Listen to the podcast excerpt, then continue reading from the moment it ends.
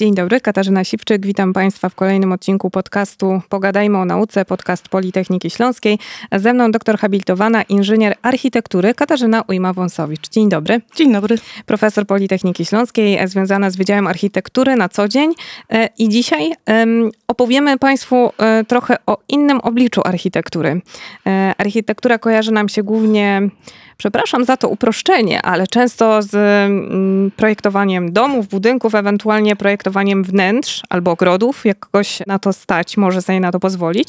W żadnym z tych wypadków nie przychodzi nam do głowy mm, raczej takie specjalistyczne projektowanie. To dopiero e, gdzieś tam później się pojawia i właśnie y, o tym chcemy dzisiaj porozmawiać, bo zaczynają się schody, kiedy projektujemy na przykład pomieszczenia dla osób niepełnosprawnych, osób z innymi potrzebami niż takie, y, gdzie powinna się znajdować e, kuchnia, a gdzie salon. Więc pytanie do pani, pani profesor, bo pani się zajmuje takim projektowaniem na co dzień. Dlaczego pani wybrała ten rodzaj architektury? To wynikało z potrzeby serca czy z potrzeby rynku? Oj, jedno i drugie. W zasadzie tematyką mm, dostępności architektonicznej zajmuję się od początku swojego funkcjonowania na wydziale, czyli wiele, wiele lat, mówiąc wprost. Na ten temat pisałam pracę doktorską, więc jest, coś, jest to coś, co jest mi bardzo bliskie. Mm, nie ukrywam, że mm, to moje zainteresowanie wynikło również z y, faktu, że w mojej rodzinie była osoba z niepełnosprawnością i to taką dosyć poważną. A ponieważ y, lubię ludzi, no to staram się im pomóc. Czyli to inne spojrzenie już było w Pani przypadku, w przypadku Pani e, spojrzenia zawodowego na architekturę od razu e, szersze.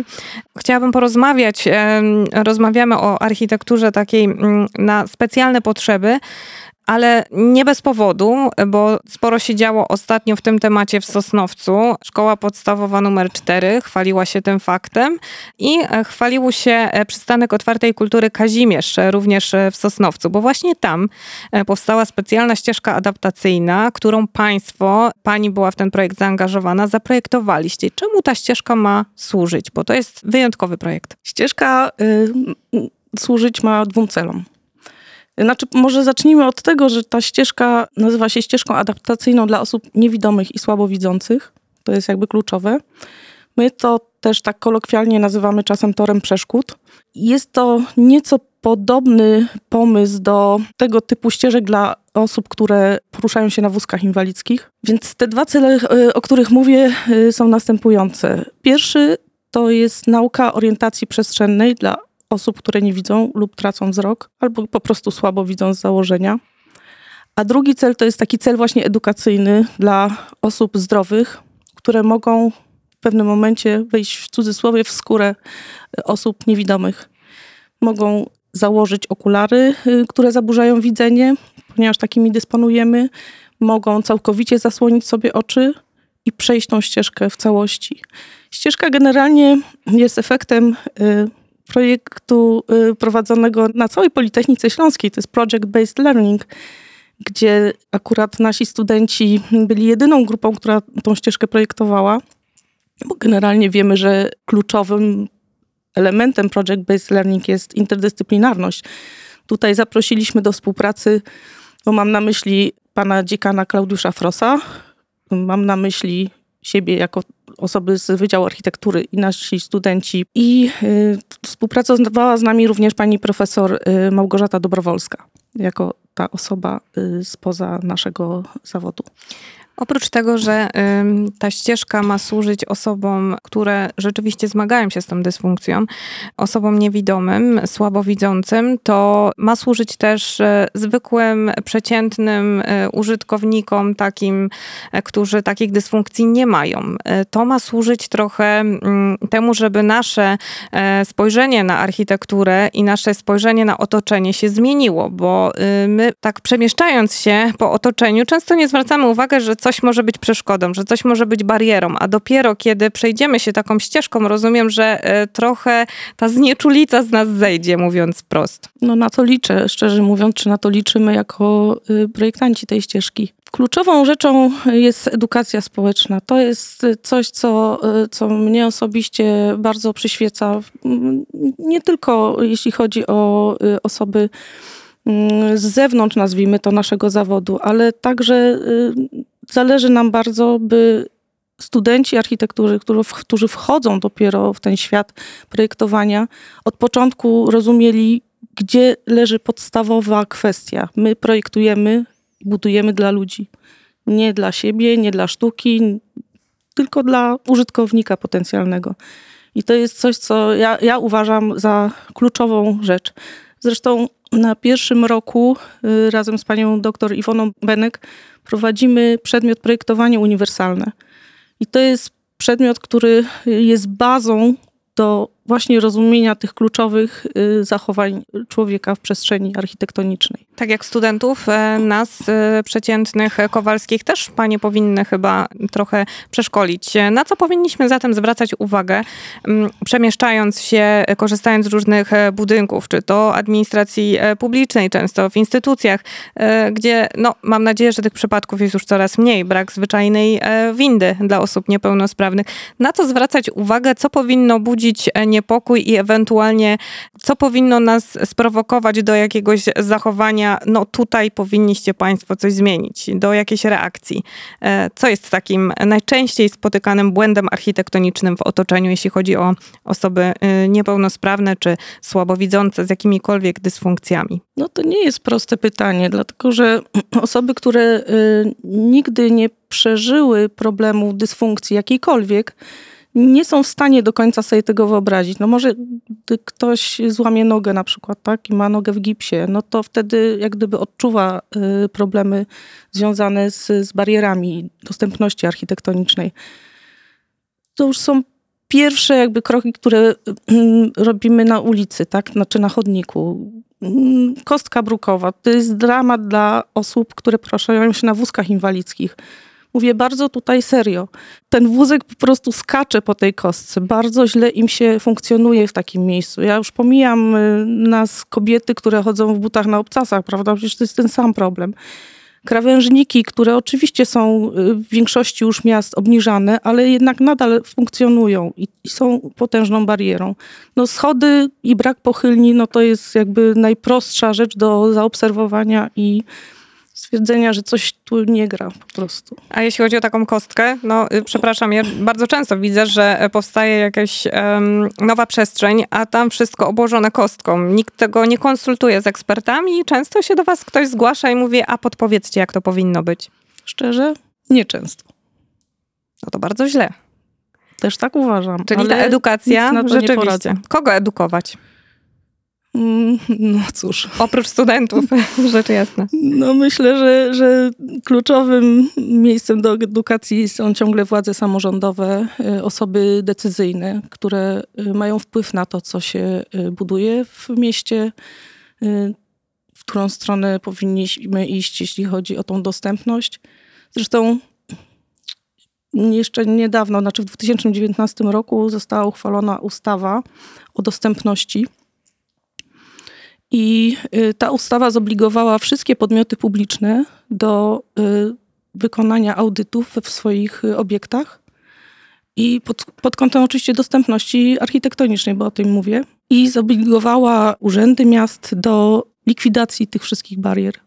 Oczywiście to będzie proces, to się będzie działo w czasie. Natomiast wszystkie podmioty publiczne, które są dotowane z pieniędzy publicznych, muszą być dostępne dla osób z niepełnosprawnościami wszelkimi. Idealnie byłoby, gdyby teraz e, biura architektoniczne przeżywały oblężenie. Natomiast czy tak jest, e, zobaczymy za parę lat, skoro to proces. Powiedzieliśmy, na co zwracać uwagę.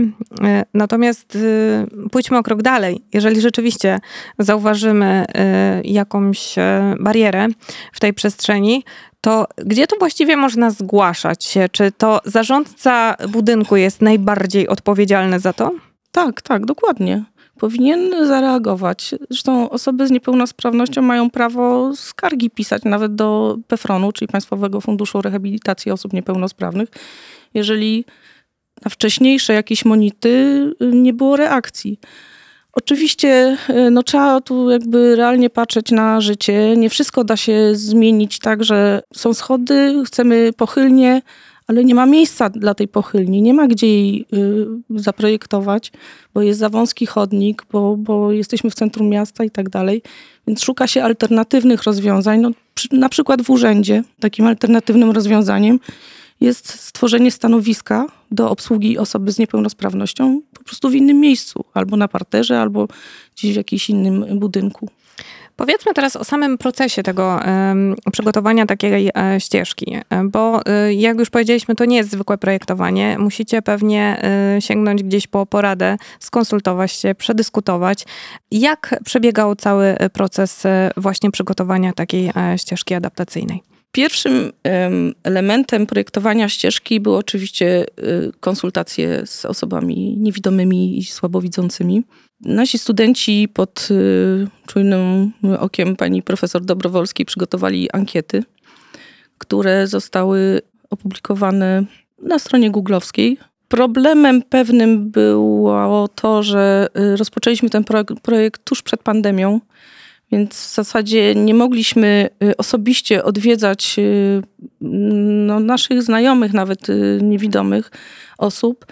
Y, więc musieliśmy liczyć wyłącznie na, y, no na, nazwijmy trochę przypadek, tak, że ktoś akurat tą ankietę otworzy, że zechce ją wypełnić i tak dalej. No ale udało się zebrać kilkadziesiąt głosów, więc y, to był dla nas jakby dobry prognostyk, że nasz pomysł idzie w dobrym kierunku. No i mieliśmy wiele takich cennych uwag czy cennych propozycji, co jest największą bolączką osób niewidomych, gdy poruszają się na przykład po mieście albo po mieszkaniu.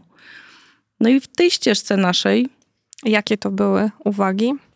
O czym mówili najczęściej? Najtrudniej jest na przykład z drzwiami, ciężko otwierającymi się drzwiami, które nie wiadomo, lub które są już otwarte i osoba niewidoma idzie i może po prostu w nie uderzyć.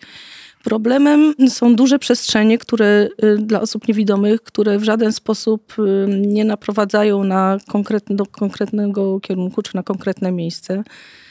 Problemem są wiszące gałęzie na przykład, czy w zupełnie niespodziewanym miejscu postawione znaki drogowe, czy na przykład leżące hulajnogi. To jest też y, coś, co osoby niewidome, y, no, na, na co mocno zwracają uwagę. Ja widzę, że, że już się to troszkę zmienia. Już dla tych hulajnog jest konkretne miejsce przeznaczone, ale przecież przez długi czas one leżały w różnych miejscach, prawda? Nieprzewidywalnych. Więc... Y, to są takie uwagi, na które y, i nasi słuchacze, i my teraz już wiemy, że powinniśmy zwracać uwagę, żeby do takich zachowań nie dochodziło, żeby zwracać już uwagę właśnie, tu wisi gałąź zbyt nisko, a tutaj hulajnogę ktoś znowu postawił na środku ścieżki. Dokładnie, dokładnie. Sami możemy reagować. To jest taki nasz mały apel do, do słuchaczy.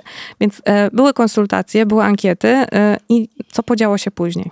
Tę ścieżkę y, projektowało w sumie sześcioro studentów naszych. Sam proces projektowy podzieliliśmy na trzy fazy. Oczywiście już pomijam y, tą, tą sferę y, ankietyzacji.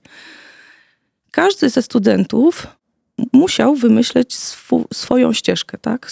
podać swój pomysł. Czyli mieliśmy na początku sześć pomysłów. Później, w drugim etapie, dobrali się w pary i z tych swoich dwóch pomysłów mieli stworzyć jeden znowu. I ostatnim etapem było zebranie tych, no w sumie trzech w pewnym momencie pomysłów i zaproponowanie jednej ostatecznej wersji. I to jest ta wersja, która powstała. I ta wersja, która powstała, tak naprawdę zanim trafiła do e, Sosnowca, była u Was na wydziale wykorzystywana. Tak. W jaki sposób?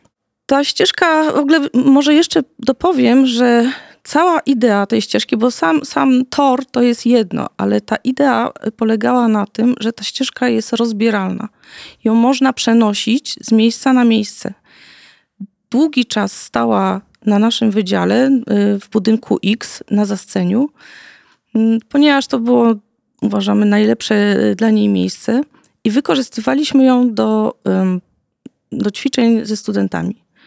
Nasi studenci w ramach y, przedmiotu projektowanie uniwersalne musieli jako jeden z elementów nauki, nazwijmy to, przejść tą ścieżkę. Innymi elementami takiej, takiego działania była opcja usiąść, by usiedli na wózek inwalidzki i też wyjechali nim y, poza budynek. Czyli też edukujemy studentów poprzez doświadczanie. Niepełnosprawności różnego typu. Uczenie wrażliwości. Uczenie wrażliwości, dokładnie. Zresztą studenci sobie bardzo to chwalą i to jest dla nas wielka frajda. Ale wracając do ścieżki. Faktycznie ona stała y, prawie rok y, w naszym, na naszym wydziale, no ale doszliśmy do wniosku, że już pora y, coś zmienić. No i ponieważ od dłuższego czasu współpracujemy od kilku lat właśnie z zespołem szkół dla dzieci z niepełnosprawnością w Sosnowcu, zespołem szkół numer 4, to pani dyrektor Iwona Durek zaproponowała, że moglibyśmy tą ścieżkę przenieść do niej ponieważ y, też uważa, że jest to świetny, świetny pomysł, świetne rozwiązanie. I to, co y, mnie niezmiernie cieszy, to fakt, że pani dyrektor zaproponowała, żeby tą ścieżkę nie złożyć w szkole, tylko właśnie w tym Młodzieżowym Domu Kultury. No właśnie, w miejscu, e, które kojarzy się z rozrywką, czyli e, przychodzimy raczej, żeby odetchnąć, żeby odpocząć, trochę kultury, jakiś koncert, jakaś wystawa, a tu nagle taka trudna rzeczywistość, czyli idź, spróbuj, jak to jest, kiedy nie jest tak kolorowo. No tak, no ale z drugiej strony y, przewagą tego miejsca jest to, że właśnie tam bardzo wiele osób przychodzi. Zresztą osoby, które ja miałam akurat okazję y, minąć, porozmawiać nawet przez chwilę, były niezwykle zainteresowane tym, rozwiązaniem. Mało tego, y, pytały, bo tam bardzo dużo seniorów przychodzi, pytały panie, czy mogą przyjść ze swoimi wnukami, żeby też poćwiczyły na tej ścieżce, żeby, żeby zobaczyły, jak to jest. Więc myślę, że y, otwartość jest ogromna, społeczna, tylko trzeba dać szansę. Państwo daliście ten impuls. E, to jest świetna lekcja e, i dla dużych i dla małych, e, dla każdego. Bądźmy do takiej dobrej myśli, że ta ścieżka będzie podróżować. Czy ta moja intencja jest słuszna? Czy Państwo macie taki zamiar, że rzeczywiście od miasta do miasta będziecie przenosić ten projekt, tak żeby każdy rzeczywiście mógł tej wrażliwości nieco odrobinę nabyć? No, myślę, że no, tak, taka była intencja, gdy ta ścieżka powstawała. Nie mogliśmy tego zrobić od początku, czyli gdy ją wybudowaliśmy, nazwijmy to w cudzysłowie, ponieważ przyszło, przyszedł czas pandemii i wszystko się zatrzymało. Teraz jak gdyby mamy nowe otwarcie i mam nadzieję, że ono będzie już bardzo takie aktualne. A już rozmowy się toczą z innymi mm, placówkami, które chciałyby przygarnąć do siebie ten projekt? Y, myślę, że y, za te pół roku y, zawieziemy ścieżkę do Dąbrowy Górniczej. Tam też jest szkoła, ogromna szkoła dla dzieci z różnymi niepełnosprawnościami, bardzo sprzężonymi bardzo często. A potem zobaczymy. No, I mnie się marzy robienie nawet takich happeningów dwu, trzydniowych, gdzie tą ścieżkę na przykład możemy gdzieś w jakiejś galerii handlowej rozłożyć Y, albo gdzieś na parkingu, gdyby był jakiś duży festyn. Więc są możliwości. Oczywiście zawsze wszystko się gdzieś tam zatrzymuje na finansach, prawda? No bo to trzeba, ktoś, komuś trzeba zapłacić, żeby to rozebrał, żeby to złożył, żeby to przewiózł i tak dalej, i tak dalej. Na razie troszeczkę funkcjonujemy no, amatorsko, tak bym to określiła. Ale zamysł jest e, dobry i w związku z tym rozumiem, że jeśli e, ktoś nas teraz słucha i e, chętnie pokazałby ten projekt na swoim wydarzeniu, na jakimś dużym evencie, na festynie, w galerii, to powinien się zgłosić bezpośrednio do pani. No, zapraszam. Oczywiście. Byłoby to bardzo miłe. To my w takim razie odsyłamy do pani doktor habilitowanej inżynier architektury Katarzyny Ujmę-Wąsowicz, Wydział Architektury Politechniki Śląskiej. To jest to miejsce, z z którym należy się kontaktować w sprawie e, ścieżki adaptacyjnej. Ja bardzo dziękuję za rozmowę, za spotkanie. Dziękuję. E, no i życzymy również e, Państwu, żeby znaleźli czas i skorzystali z możliwości zajechali do Sosnowca i tam spróbowali swoich sił także na tej ścieżce. Zobaczyli, poczuli i nauczyli się tej wrażliwości. Dziękuję bardzo i do usłyszenia. Dziękuję.